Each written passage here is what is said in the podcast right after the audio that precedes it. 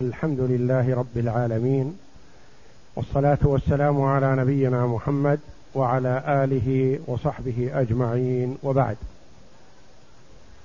لا نزال في الحديث عن التصحيح في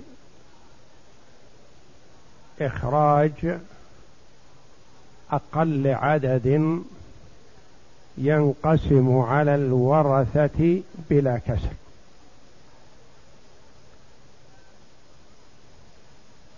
فنعرف الفرق بين التأصيل وبين التصحيح. التأصيل هو أقل عدد يخرج منه فرض المسألة أو فروضها بلا كسر.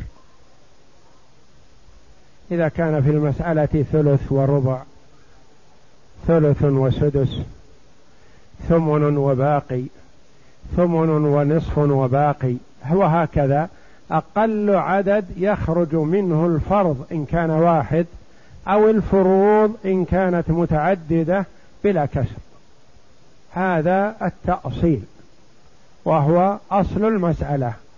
التصحيح بعد هذا وهو أقل استخراج أقل عدد يخرج منه أقل عدد ينقسم على الورثة بلا كسر.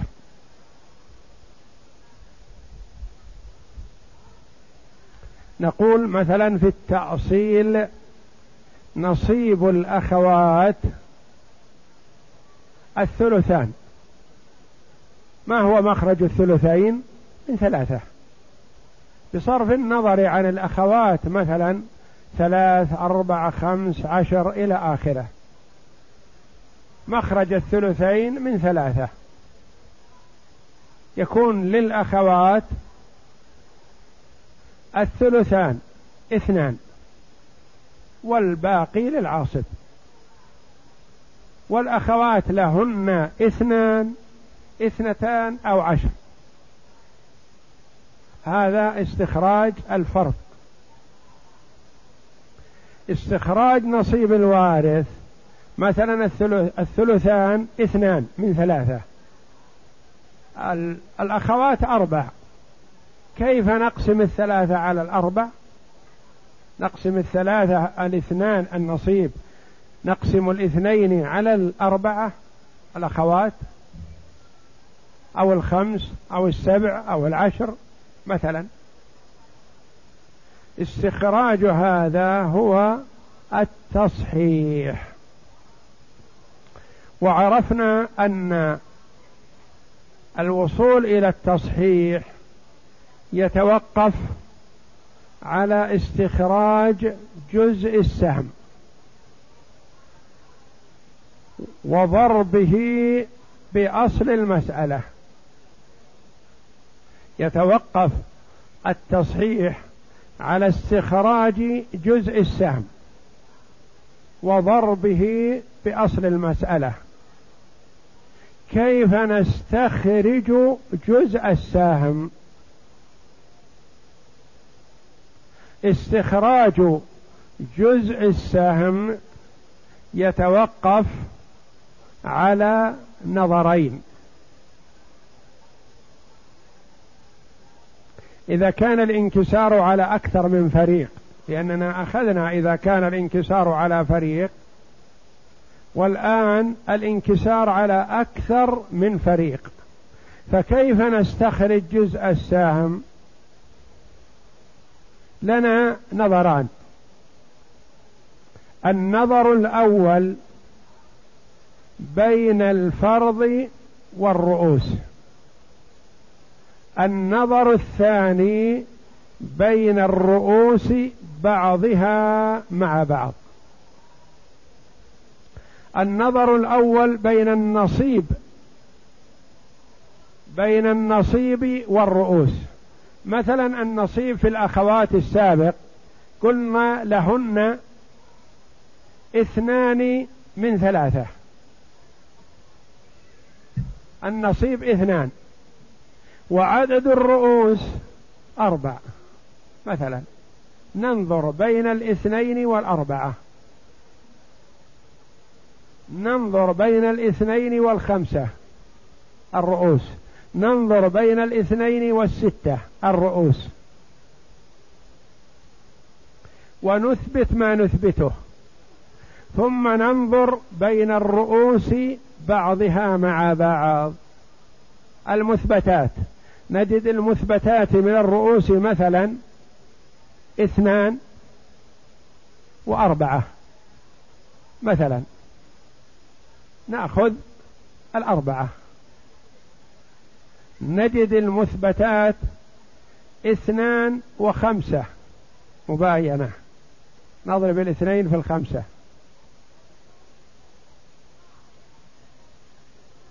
نجد المثبتات أربعة وستة.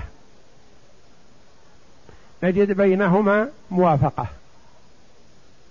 الستة ما تنقسم على الأربعة يبقى باقي.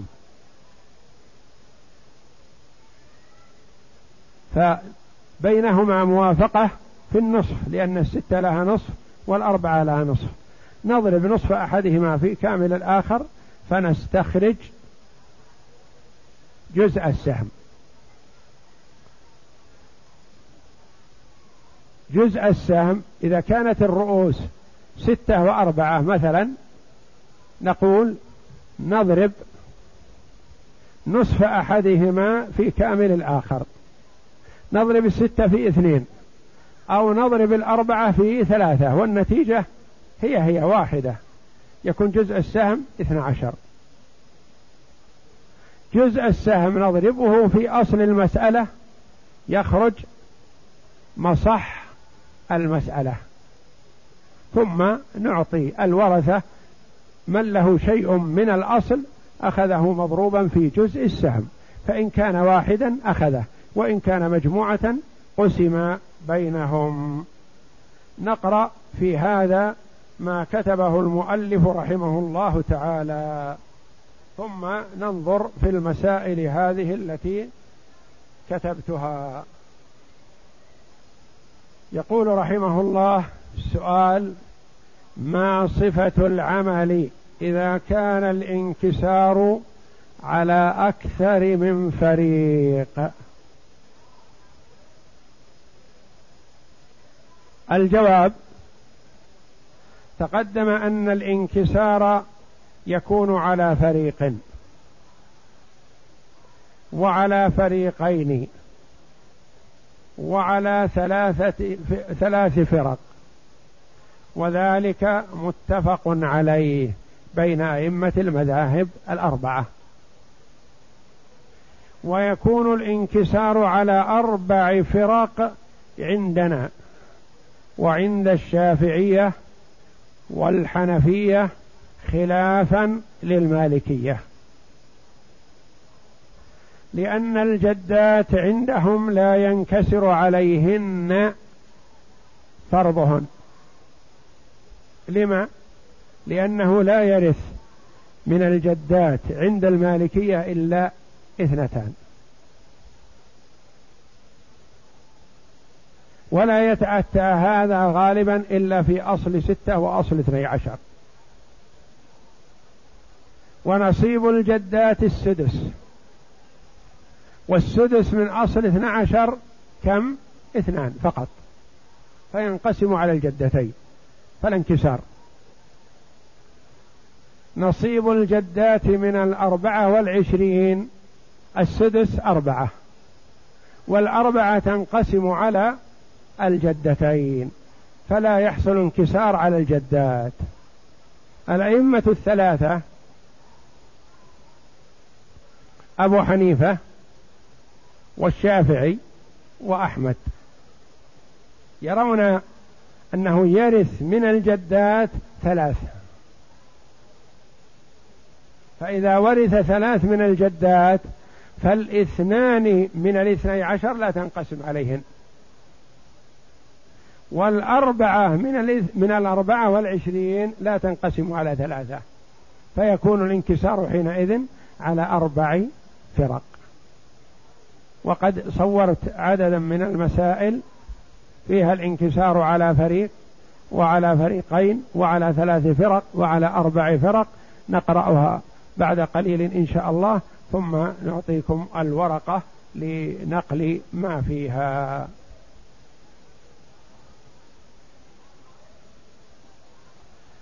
وذلك أن الانكسار على أربع فرق لا يكون إلا في أصل اثني عشر وأربعة وعشرين. ترى مكتوب أربعة وعشر. وأربعة وعشرين. عدلوها. ولا يرث عندهم إلا جدتان فقط والسدس في هذين الأصلين ينقسم منقسم عليهن كما تقدم. لأن السدس اثنان أو أربعة والاثنان والأربعة تنقسم على الجدتين بلا باقي. كما تقدم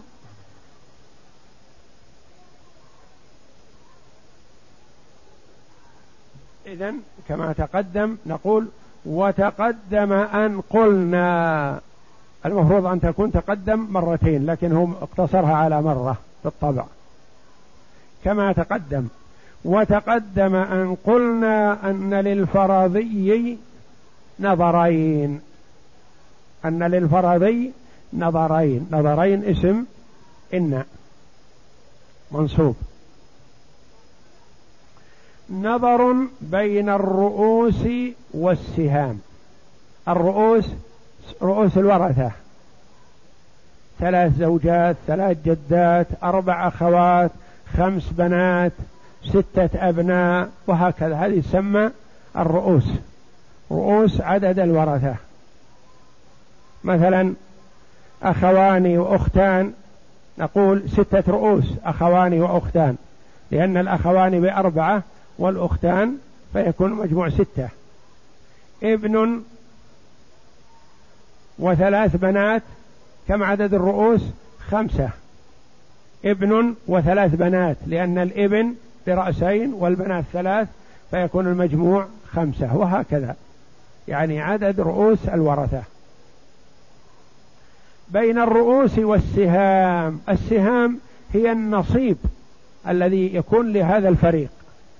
النصيب سواء كان النصف أو الثلثان أو الثلث أو الربع أو الثمن.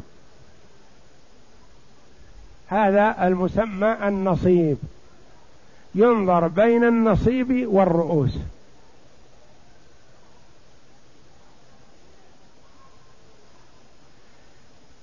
فأم فإما أن تتباين أو تتوافق. لا يخلو من أمرين. النظر بين الرؤوس والسهام لا يخلو من أمرين لا ثالث لهما. هذا في حال الانكسار. أما في حال الانقسام فلا نظر استريح من أول الأمر.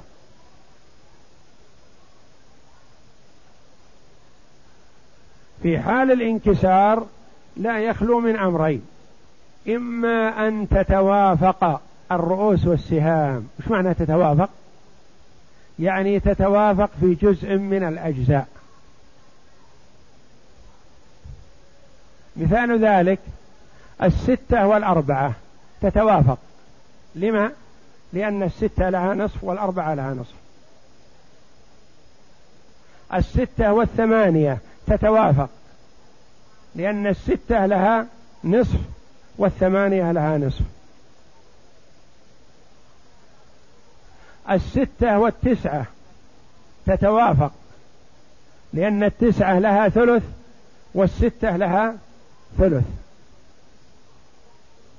الثلاثة والخمسة تتباين. لأن الثلاثة ليس لها إلا ثلث. والخمسة ليس لها إلا خمس فلا تتوافق. الثلاثة والسبعة تتباين. لأن الثلاثة لها ثلث والسبعة ليس لها إلا سبع.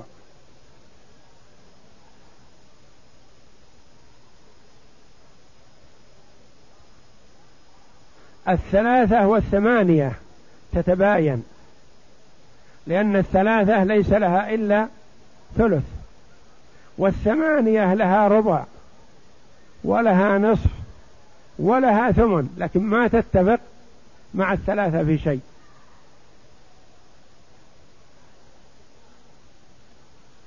الاثنان والسبعة تتباين لأن الاثنين ليس لها إلا نصف.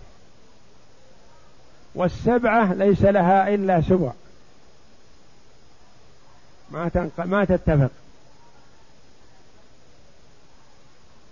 إذن لا يخلو من أمرين. إما أن تتوافق أو تتباين. إذا تباينت كيف؟ نثبت كامل الرؤوس. إذا توافقت نثبت الوفق. وفق الرؤوس. وفق الرؤوس. مثلا نصيب الورثة ثلاثة. وعدد رؤوس الورثة ستة. ننظر بين الثلاثة والستة. نجد بينهما موافقة في الثلث. نثبت وفق الستة التي هي عدد الرؤوس كم وفقها؟ اثنان.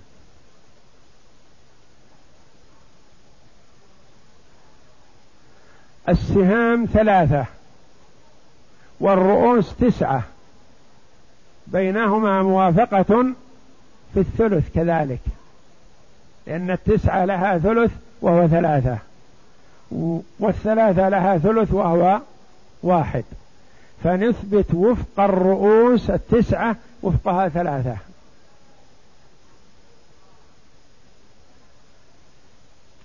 الرؤوس خمسة والسهام اثنان مثلا متباينة.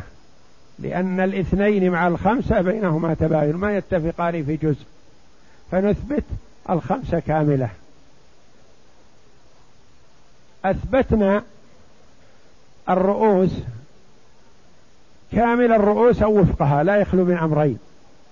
ثم النظر الثاني وهو بين الرؤوس بعضها مع بعض. فنقول مثلا رؤوس الجدات ثلاث. ورؤوس البنات ست. ورؤوس الأعمام خمسة. كيف ننظر بينها؟ نقول الثلاث داخلة ضمن الستة أسقطنا الثلاثة. ننظر بين الستة والخمسة نجد بينهما مباينة. نضرب إحداهما في الأخرى نستخرج جزء السهم. يكون جزء السهم خمسة في ستة بثلاثين هذا جزء السهم. نضربه في أصل المسألة أو عولها يخرج مصح المسألة. إذا فأمامنا الآن إذا كان الانكسار على أكثر من فريق أن ننظر الأول بين رؤوس الفريق وسهامه. وأمامنا إما موافقة أو مباينة. إن كانت موافقة أثبتنا الوفق وإن كانت مباينة أثبتنا الكامل. انتهينا من النظر الأول. ننظر بين الرؤوس بعضها مع بعض. لنا فيه أربع أحوال. إما أن تتداخل. يكون عدد صغير وعدد كبير داخل ضمنه. الصغير داخل ضمن الكبير. كثلاثة وستة. وإما أن تتوافق في جزء من الأجزاء كستة وأربعة. وإما أن تتماثل كثلاثة وثلاثة وأربعة وأربعة وخمسة وخمسة. وإما أن تتباين كثلاثة وخمسة. فعند التماثل نكتفي بواحد وعند التداخل نكتفي بالأكبر وعند التوافق نضرب وفق أحدهما في كامل الآخر وعند التباين نضرب أحدهما في كامل الآخر. فنستخرج بهذا جزء السهم. نقرأ ما كتبه المؤلف رحمه الله.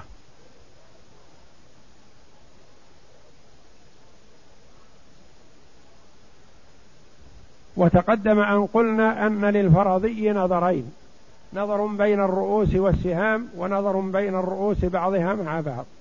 فالنظر الأول بين الرؤوس والسهام فإما أن تتباين أو تتوافق فقط. فإن باينت الرؤوس السهام أثبتنا فإن باينت الرؤوس السهام أث... هذا ما هو صحيح. فإن باينت الرؤوس السهام أثبتنا الوفق من جميع رؤوس الفريق ثم ننظر بين المثبتات. فإن باينت الرؤوس السهام أثبتنا كامل الرؤوس وإن وافقت أثبتنا الوفق من جميع رؤوس الفريق. ثم ننظر بين المثبتات من الرؤوس بالنسب الأربع. المتقدمة وهي المماثلة والموافقة والمداخلة والمباينة. فإن كانت متماثلة اكتفينا بأحدها فيكون جزء السهم فنضربه في أصل المسألة. أو في عولها إن كانت عائلة فما بلغ فمنه تصح المسألة. وإن كانت الرؤوس متوافقة فنأخذ الوفق ونضربه في جميع الموافق الآخر. فما بلغ فهو جزء السهم فنضربه في أصل المسألة أو عولها. فما بلغ فمنه تصح المسألة. وإن كانت الرؤوس متباينة ضربت بعضها في بعض فما تحصل فهو جزء السهم فتضربه في أصل المسألة أو عولها فما بلغ فمنه تصح المسألة. وإن كانت الرؤوس متداخلة اكتفينا بالأكبر فيكون جزء السهم فنضربه في أصل المسألة أو في عولها إن كانت عائلة فما بلغ فمنه تصح. فجزء السهم هو أحد المتماثلين. جزء السهم أحد المتماثلين وأكبر المتناسبين. والحاصل من ضرب الرؤوس بعضها في بعض في المباينة. فإذا أردت القسم فلمن له شيء من المسألة أخذه مضروبا في جزء السهم. فإن كان واحدا فهو له وإن كان فريقا قسم عليه. انظر المثال الذي أورده المؤلف رحمه الله تعالى. تابعني فيه. هلك هالك. عن زوج وخمسة إخوة لأم وثلاث جدات. هنا الانكسار فيه على فريقين. زوج وإخوة لأم وجدات بصرف النظر عن العدد. كم تكون المسألة من كم؟ من ستة لأن فيها نصف وفيها ثلث وفيها سدس. وكلها تخرج من الستة.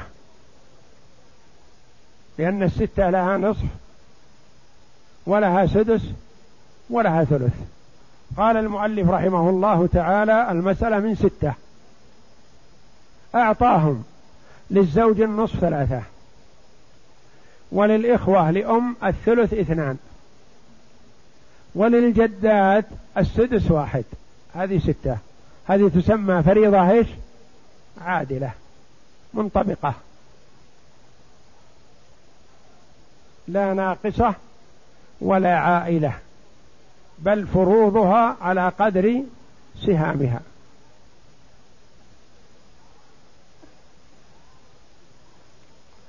هذا انتهى التأصيل. أردنا إعطاء كل وارث نصيبه بلا كسر مضطرين إلى التصحيح. كأن المسألة هذه فيها شيء من المرض فيها انكسار.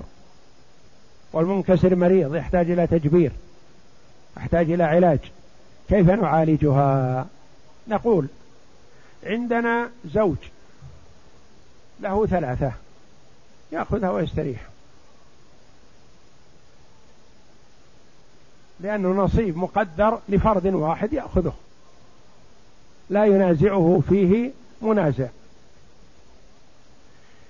عندنا الإخوة لأم رؤوسهم خمسة. وسهامهم كم؟ اثنان الثلث. الإخوة لأم هؤلاء قد يجوز إن كل واحد له أب. والميت سادسهم. لكنهم يدلون بهذا الميت بأمهم وإلا آباءهم خمسة. إخوة لأم. وأبو الميت السادس.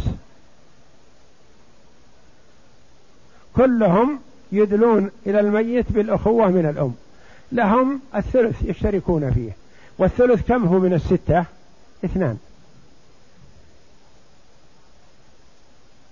نريد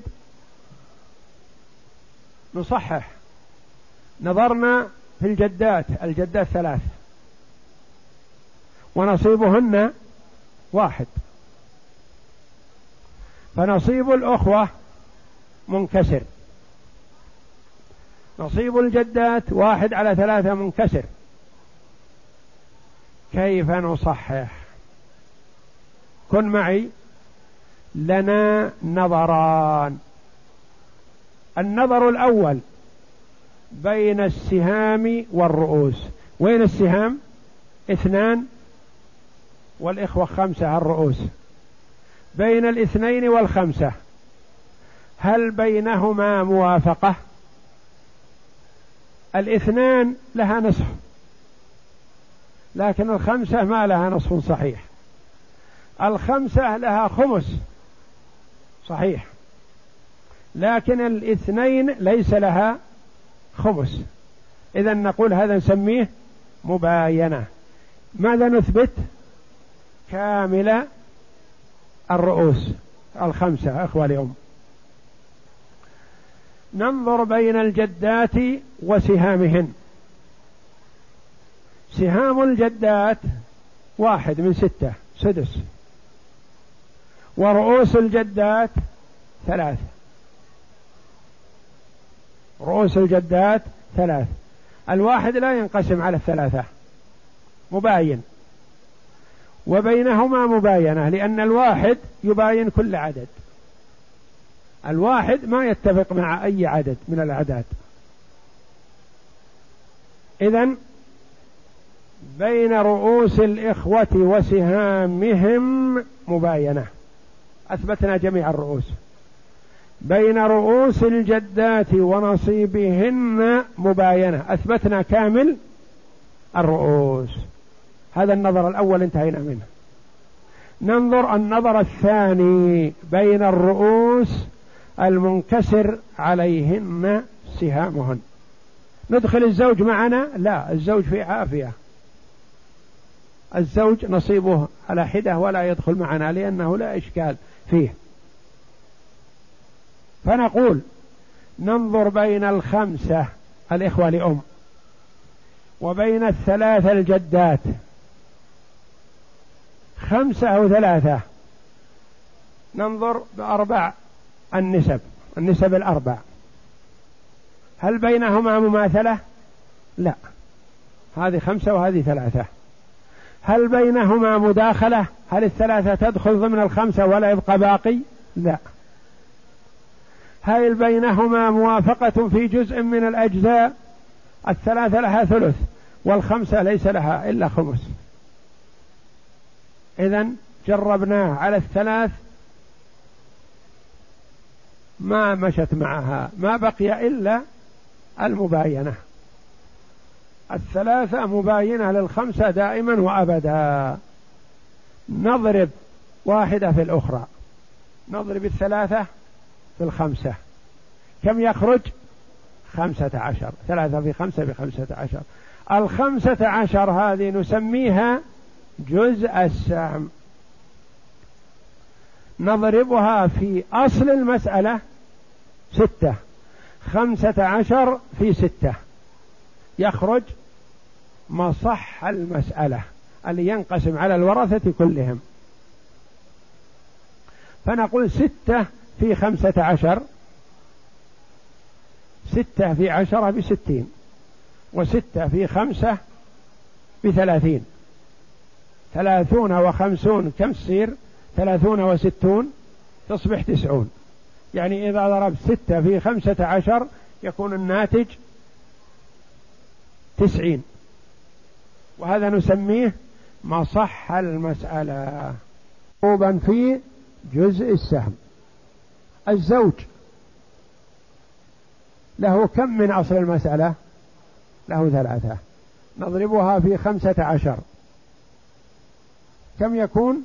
ثلاثة في خمسة عشر بخمسة وأربعين. هل زاد نصيبه؟ أو نقص نصيبه؟ لا. لأن له ثلاثة من ستة أصبح له خمسة وأربعون من تسعين. هو هو. للإخوة لأم اثنان من ستة. اثنان يضرب في كم؟ في خمسة. أو في خمسة عشر. يضرب في خمسة عشر اللي هو جزء السهم. اثنان في خمسة عشر تخرج ثلاثون. ثلاثون نقسمها على الخمسة الرؤوس يخرج لكل واحد ستة. هذا فائدة التصحيح أن كل واحد يأخذ نصيبه عددا كاملا.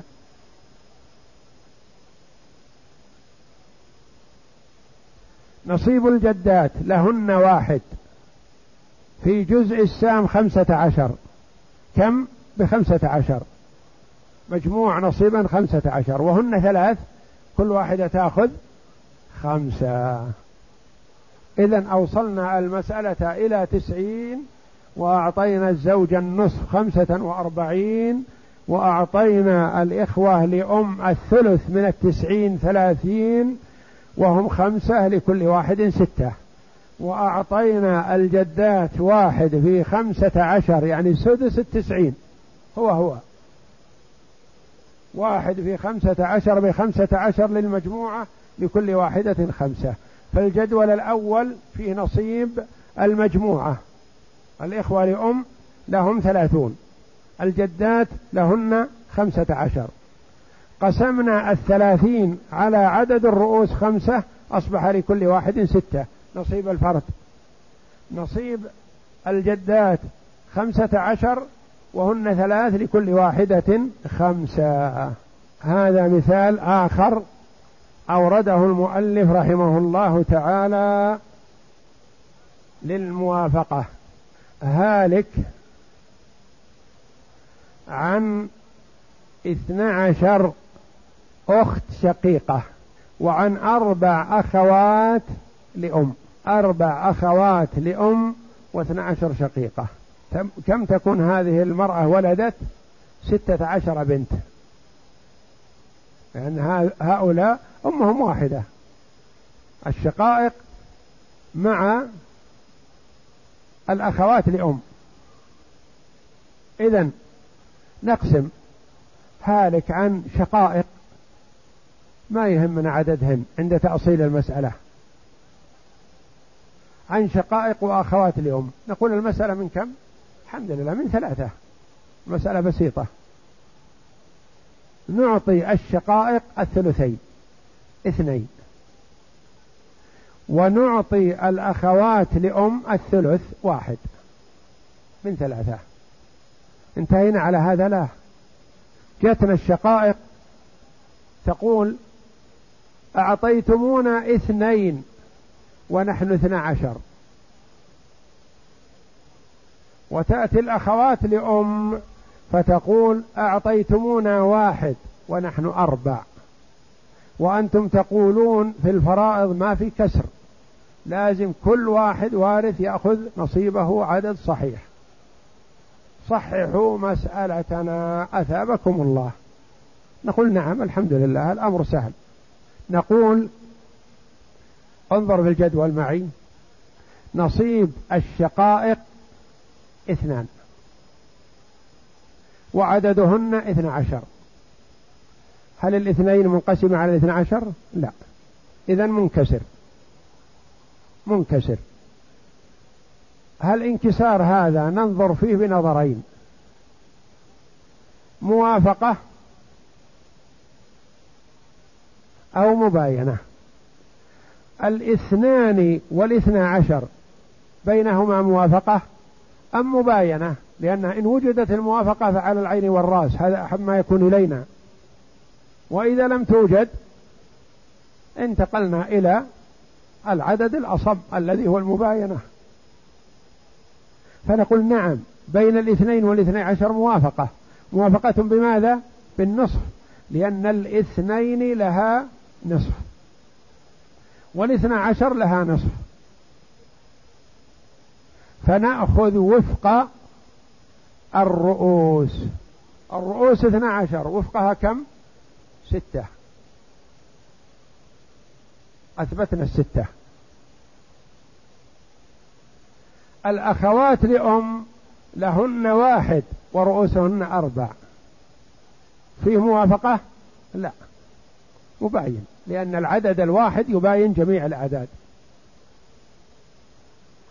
ننظر بين الرؤوس المثبتات. ما ننظر بين الرؤوس بكاملها؟ المثبتات. لأن لو نظرنا بين الاثنى عشر مثلا والأربعة الاثنى عشر اختصرناها إلى ماذا؟ إلى نصفها ستة. فننظر بين الستة والأربعة. نجد بينهما موافقة. الستة والأربعة بينهما موافقة بماذا؟ بالنصف. فنضرب نصف أحدهما في كامل الآخر. النتيجة واحدة. نضرب نصف الأربعة في كامل الستة. كم يخرج؟ اثنى عشر. نضرب نصف الستة في كامل الأربعة يخرج اثنى عشر. إذا جزء السهم هو اثنى عشر. اثنى عشر نضربه في ماذا؟ في أصل المسألة ثلاثة. ثلاثة في اثني عشر يخرج ستة وثلاثون. نعطيهم. فنقول للشقائق لهن اثنان. مضروبا في جزء السهم اثنى عشر. اثنين في اثنى عشر بكم؟ في أربعة وعشرين. أربعة وعشرين وهن كم؟ اثنى عشر. الأربعة والعشرين إذا قسمت على الاثنى عشر كم؟ تأخذ كل واحدة اثنين. وهذا الذي جعله في الجدول الآخر.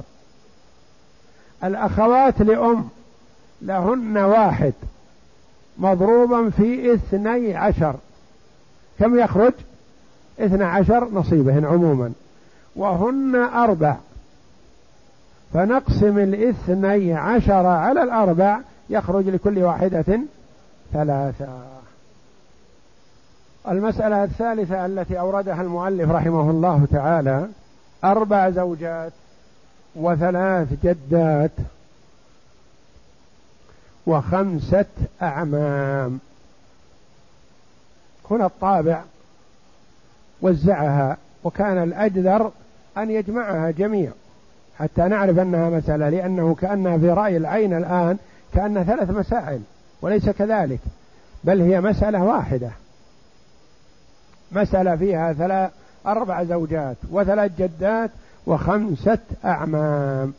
هذه اللي أتى بها المؤلف رحمه الله مثال للصماء اللي ما فيها موافقة ولا مماثلة ولا مداخلة. في منتهى الانغلاق منغلقة صماء المسألة أصلها إذا كان عندنا زوجات وجدات وأعمام. زوجات وجدات وأعمام بصرف النظر عن العدد لا يهمنا الآن. نقول إذا كان في المسألة جدات فهي من ستة. إذا كان في المسألة زوجات ما تصلح الستة لأن الستة ليس لها ربع. ولا تصلح الأربعة لأن الأربعة ليس لها سدس. وإلا مسألة الأعمام بسيطة لأن لهم الباقي أيا كان. لكن المهم أن ننظر في مسألتنا هذه لأن فيها ربع وفيها سدس. إذا اجتمع الربع والسدس فأصلهما من اثني عشر. أصل المسألة الآن من اثني عشر. نعطيهم. للزوجات الربع ثلاثة ورؤوسهن أربع. وللجدات السدس اثنان ورؤوسهن ثلاث وللأعمام الباقي إذا أخذنا ثلاثة واثنين خمسة من ستة من من اثني عشر يبقى سبعة. السبعة للأعمام ورؤوسهم خمسة. ننظر النظر الأول بين الرؤوس والسهام. رؤوس الزوجات كم؟ أربع. وسهامهن ثلاثة مباينة. رؤوس الجدات ثلاث. وسهامهن اثنان مباينة. رؤوس الأعمام خمسة. وسهامهم سبعة مباينة. أثبتنا المثبتات. المثبتات كم هي؟ أربعة. وثلاثة وخمسة. ننظر بين هذه لعلنا نجد تخفيفا. الأربعة مع مع الثلاثة مباينة. مع الخمسة مباينة. لا تتفقان في جزء. نضرب ثلاثة في أربعة. بكم؟ باثني عشر. ثلاثة في أربعة عدد الرؤوس باثني عشر. نجيب رؤوس الأعمام خمسة اثنى عشر في خمسة بكم؟ بستين. هذا جزء السهم. ستين. ستين نضربها في ماذا؟ في أصل المسألة. أصل المسألة كم؟ اثنى عشر. ستين في اثني عشر. نضرب. صفر في اثنين بصفر. ستة في اثنين باثنى عشر. اثنين معنى واحد. ستة في واحد بستة ومعنى واحد سبعة. أصبحت مصح المسألة سبعمائة وعشرون. سبعمائة وعشرون. نعطي الجدات. أولا الزوجات. الزوجات كم أعطيناهن ثلاثة. نضربها في ستة. أو في ستين؟ في ستين جزء السهم. ثلاثة في ستين. ثلاثة في صفر بصفر. ثلاثة في ستة بثمانية عشر. مئة وثمانون للزوجات. نقسمها على أربع تنقسم. لكل واحدة خمسة وأربعون. خمسة وأربعون وخمسة وأربعون كم؟ تسعون. وتسعون وتسعون مئة وثمانون. انقسمت. الجدات لهن اثنان. مضروب في كم؟ في ستين. بمئة وعشرين. وهن ثلاث. اقسم المئة والعشرين على الثلاثة يكون لكل واحدة منهن أربعون. الأعمام. لهم سبعة في ستين. سبعة في ستين. سبعة في صفر بصفر. سبعة في ستة باثنين وأربعين. أصبح لهم أربعمائة وعشرون. أربعمائة وعشرون. نقسمها على خمسة. يكون نصيب كل واحد أربعة وثمانون. هذه الصماء مباينة بين الرؤوس والسهام ثم مباينة بين السهام بعضها مع بعض. مثال آخر للانكسار. الانكسار على أربع فرق. في المسألة السابقة الانكسار على ثلاث فرق. والتي قبلها الانكسار على فريقين. هذه المسألة التي أوردها المؤلف رحمه الله. أربع زوجات وثلاث جدات وخمس شقيقات وسبع أخوات لأم. أصل المسألة من كم؟ زوجات وجدات وشقيقات وأخوات لأم المسألة من اثني عشر. فيها ربع وفيها ثلثان وفيها سدس وفيها ثلث. من اثني عشر وتعول إلى سبعة عشر. للزوجات ثلاثة من اثني عشر. وللجدات اثنان من اثني عشر. وللشقيقات ثمانية من اثني عشر. وللأخوات لأم أربعة من اثني عشر. زادت. المسألة فيها ثلاثة. واثنان وثمانية وأربعة. كم صار المجموع؟ ثلاثة واثنان خمسة. وثمانية وخمسة ثلاثة عشر. ثلاثة عشر وأربعة سبعة عشر. عالت الاثنى عشر إلى سبعة عشر. نعم. لنا نظران هنا. ننظر بين الرؤوس والسهام. سهام الزوجات كم؟ ثلاثة. ورؤوسهن أربع سهام الجدات اثنان ورؤوسهن ثلاث. سهام الشقائق ثمانية ورؤوسهن خمس. سهام الأخوات لأم أربعة وسهامهن ورؤوسهن سبعة. مباينة كلها. مباينة بين السهام والرؤوس. النظر الثاني بين الرؤوس بعضها مع بعض. ننظر. أربعة وثلاثة مباينة. وخمسة مباينة. وسبعة مباينة. لا تتفق هذه الأعداد الأربعة في جزء من الأجزاء. إذا نضرب الثلاثة في الأربعة. كم تصير؟ اثنى عشر. اثنى عشر نضربها في خمسة. خمسة في اثني عشر بستين بستين تضرب في سبعة. تكون ستين تضرب في سبعة. أضرب سبعة مثلا في صفر بصفر. سبعة في ستة باثنين وأربعين. اجمعها أربعمائة وعشرون. هذا جزء السهم. أربعمائة وعشرون. جزء السهم. تضرب في أصل المسألة أو في عولها. بل في عولها. تضرب مئة وأربعمائة وعشرون في سبعة عشر. يخرج سبعة آلاف ومئة وأربعون. نعطيهم على هذه الصفة. نقول نضرب نصيب الزوجات ثلاثة في أربعمائة وعشرين. يخرج للزوجات ألف ومئتان وستون.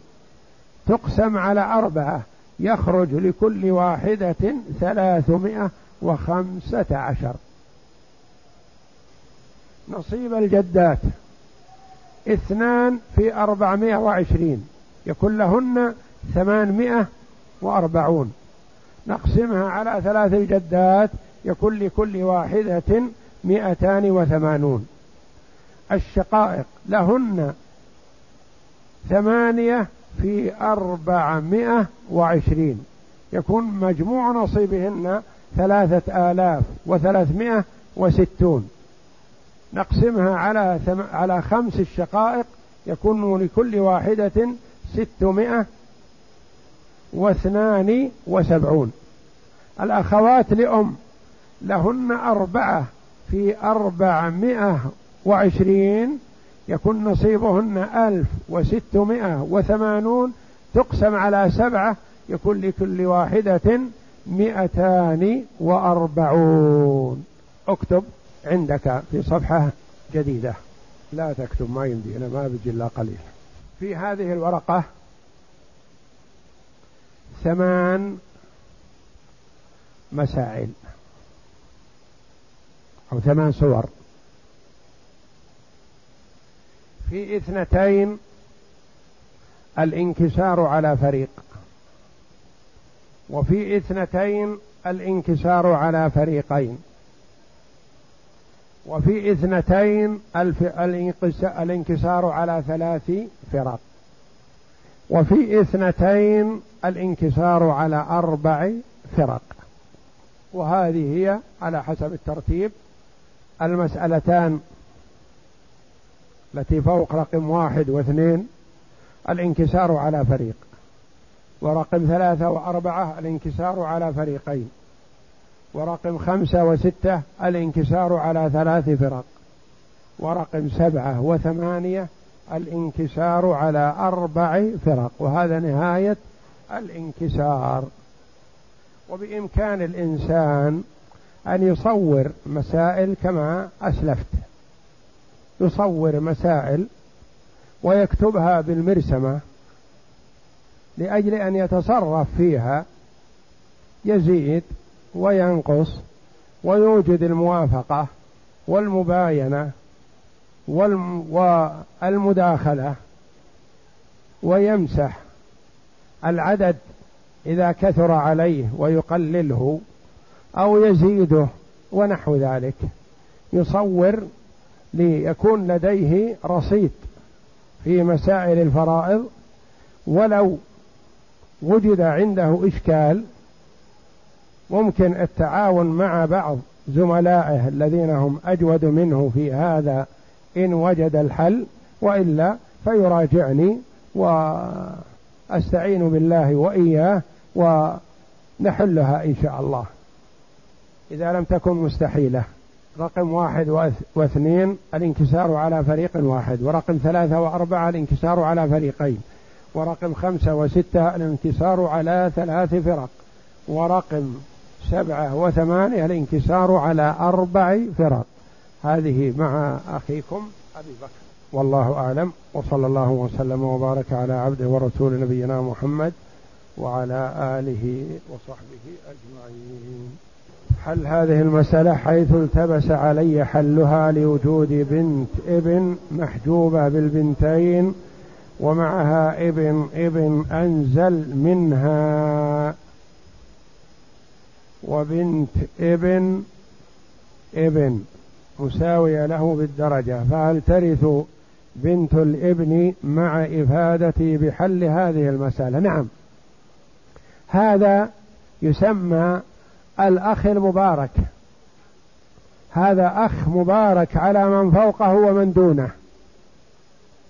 لأن للبنتين الثلثان اثنان.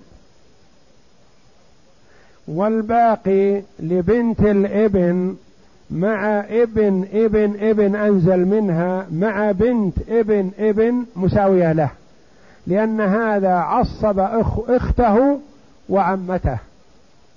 هذا الابن ابن الابن ذا هذا يسمى الأخ المبارك. عصب المساوية له ومن فوقه.